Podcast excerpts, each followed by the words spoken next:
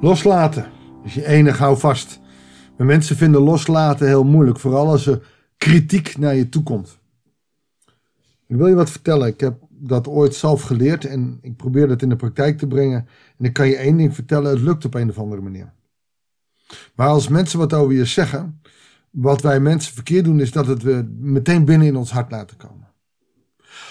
Ik heb geleerd dat als je iets ontvangt, iemand zegt iets tegen jou, omdat als het ware, dan moet je, nou, doe maar gewoon mee, je hand voor je houden, open, want je ontvangt iets. En je laat datgene wat gezegd wordt, dat doe je natuurlijk symbolisch, um, op je hand neerkomen. En dan op je hand maak je een selectie. Dat is voor mij, dat is voor mij, dat mag naar binnen. Dat is onzin, dat past niet bij mij, dat is niet voor mij, dat doe je weg. Wat je dan doet, is feitelijk het niet binnen laten komen. Dan vind je het nog wel eens lastig, maar het, het raakt je niet zo diep van binnen. Onlangs heb ik nog gemerkt dat ik, bam, alles weer binnen liet komen. Want die ander, ja, die zal wel gelijk hebben. En wie ben ik? Of noem maar op. Nee, leg als ware symbolisch je hand voor je neer. Hou hem voor je. Laat alles wat er gezegd wordt daarop binnenkomen. En selecteer. En de rest wimpel je van je af. Letterlijk. Ik heb eh, dit in pastoraat wel eens gebruikt. En er zijn nu letterlijk die mensen die even van hun hand afvegen als ze denken dat is niet voor mij. En het werkt. Maak dit je eigen. En waarom vertel ik dit? Omdat ik het idee heb dat Nehemia dat doet in het hoofdstuk wat we vandaag gaan lezen. Nou ja, goeiedag. Hartelijk welkom bij een nieuwe uitzending van het Bijbels Dagboek. Een trucje vanuit ja, mijn psycholoog die mij dat geleerd heeft. En het werkt. We gaan uh, lezen hoe Nehemia ermee omgaat. We lezen in Nehemia 6, de versen 1 tot en met 9. Sanballat, Tobia, de Arabier Gezem en alle anderen die ons vijandig gezind waren, hoorden dat ik de muur had opgebouwd en dat er geen gaten meer in zaten. De deuren had ik overigens nog niet in de poorten laten plaatsen.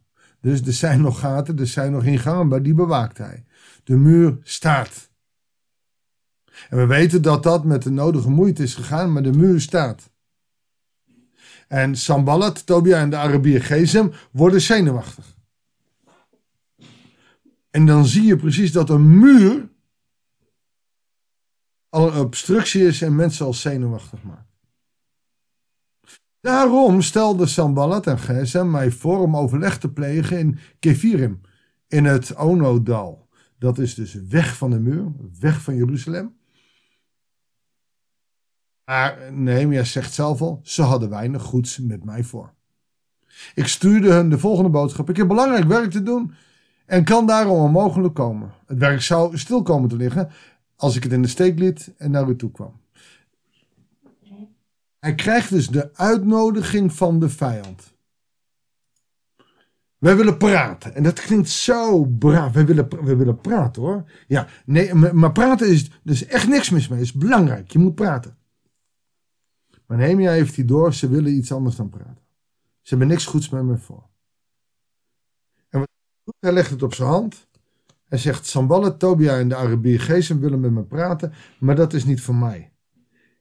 Ik heb er geen behoefte aan. Het heeft geen zin, want hij weet dat ze alleen maar kwaad in zin hebben. Dat betekent dat hij het van zich afwimpelt. Oftewel, hij stuurt een brief. Joh, geen time, geen zin, doen we niet. Vier keer deden ze mij een voorstel en steeds gaf ik hun hetzelfde antwoord. ze zijn volhardend, kom weer binnen. Alleen wat wij mensen doen, is dan gaan twijfelen. Oh, nou, nou een tweede keer, maar van een derde keer. Nou, ze zult wel echt mee. Ik moet echt wel met hem praten. Of ze zullen wel gelijk hebben. Wat je wel kan doen, is gaan kijken, die brief terug. Oftewel je reactie. Hoe ga ik dat opstellen? Doe ik dat op dezelfde manier? Hou ik de eer aan mezelf? Heb ik heel veel kracht, maar doe ik in zachtmoedigheid? Neem altijd de tijd om te reageren. Een van de slechtste dingen die je kan doen, is als je een WhatsAppje krijgt van iemand die, nou, waarvan jij denkt dat het niet netjes is, niet meteen antwoorden. Bedenk, wat is degene die dat zegt, wat, wat heeft hij met mij voor? Moet ik het binnen laten komen of niet? En soms moet je dan gewoon even wachten en nadenken over een gepast antwoord. Niet primair, zeker niet met WhatsApp. Oh jammer, ze zien mijn blauwe vinkjes. Ja, ze hebben tot vier keer toe, heeft Sambalat een blauw vinkje gehad van Nehemia. Ze zagen de WhatsApp. En die was gewoon heel nuchter. Joh, ik doe het niet. Ik heb belangrijk werk te doen. Kan onmogelijk komen. Het werk zou stil komen liggen. En als ik het in de steek liet en naar toe zou komen. Dus ik doe het niet. Punt. Blauwe vinkjes. Afgeleverd. Ten slotte stuurde Sambalat voor de vijfde keer een van zijn mannen met hetzelfde doel. Deze man bracht een niet verzegelde brief mee. Met de volgende inhoud. Het feit dat hij niet verzegeld is, geeft al aan een niet ondertekende brief. Iedereen weet die is van Sambalat, maar gaat er niet onderschrijven. Anoniem. Nou is dit niet helemaal anoniem, maar er is nooit te bewijzen dat Sambalat wat zegt. En dan komt het, als mensen niet kunnen winnen en niet bij jou binnenkomen omdat jij de kritiek die er niet is van je afduwt, komt dat binnen wat alleen maar toegankelijk mag zijn bij jou. En, en dan worden andere mensen boos. Hij luistert niet naar mijn leugen en bedrog. Dus, en dan krijg je het volgende. Onder de omringende volken gaat het verhaal. En Gesem, die Arabier, die bevestigde dat u met de Joden een opstand voorbereidt. Dat is één. En dat u daarom de muren bouwt. Volgens dezelfde bron, ja, het is een een of andere Arabier die het bevestigt en de rest worden de bronnen niet uh, vermeld. Uh, volgens dezelfde bron zou u koning willen worden. En laat u zelfs profeten optreden die, met een verwijzing naar u in Jeruzalem, verkondigen dat Juda een koning heeft. Wel nu, zoiets zal ook de koning ter euro komen. Laten we daarom toch maar eens overleggen. Ho, wacht even. Sambalat, waarom maak jij je druk om dit? Je gaat nu dreigen naar de koning te gaan en het te verklappen. Het enige wat er gebeurt is dat Nehemia alles wat hij doet netjes doet en de koning was op de hoogte. Nou kan hij zenuwachtig worden voor de vijfde keer zo'n brief. Oh, dan gaan ze het ook nog bij de koning vertellen. Straks zal hij er wat vinden. Heeft Nehemia volledig vertrouwen in zichzelf en in het feit dat hij open spel met de koning speelt.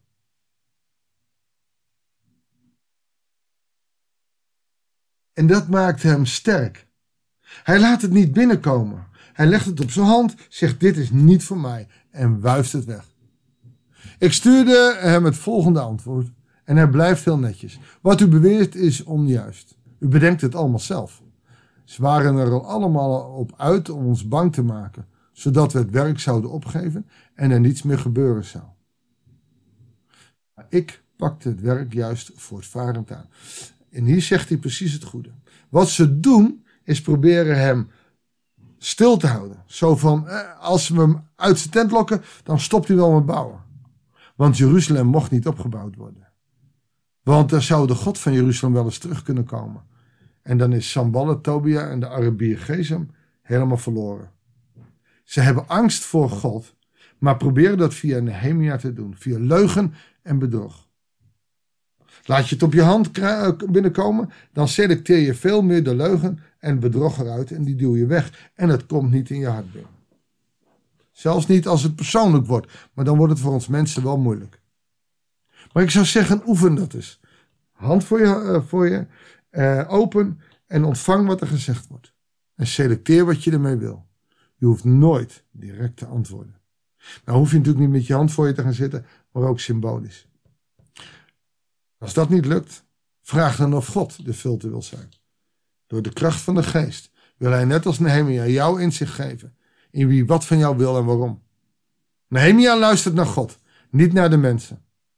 Doe dat ook. En het is een vorm van oefenen, maar het lukt.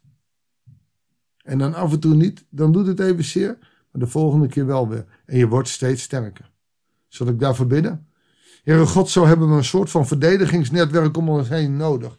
Want hoe harder wij geloven en hoe meer we daarmee bezig zijn, hoe groter het vijandschap. Heere God, wilt u ons zegenen en wilt u ons helpen om dat te selecteren wat er over ons gezegd wordt.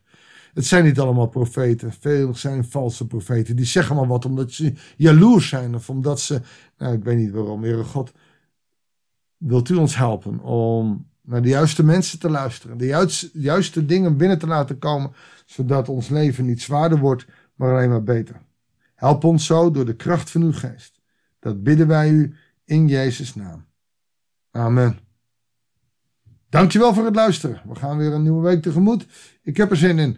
En ik wens je een hele goede en gezegende week. En graag tot de volgende uitzending van het Bijbelsdagboek.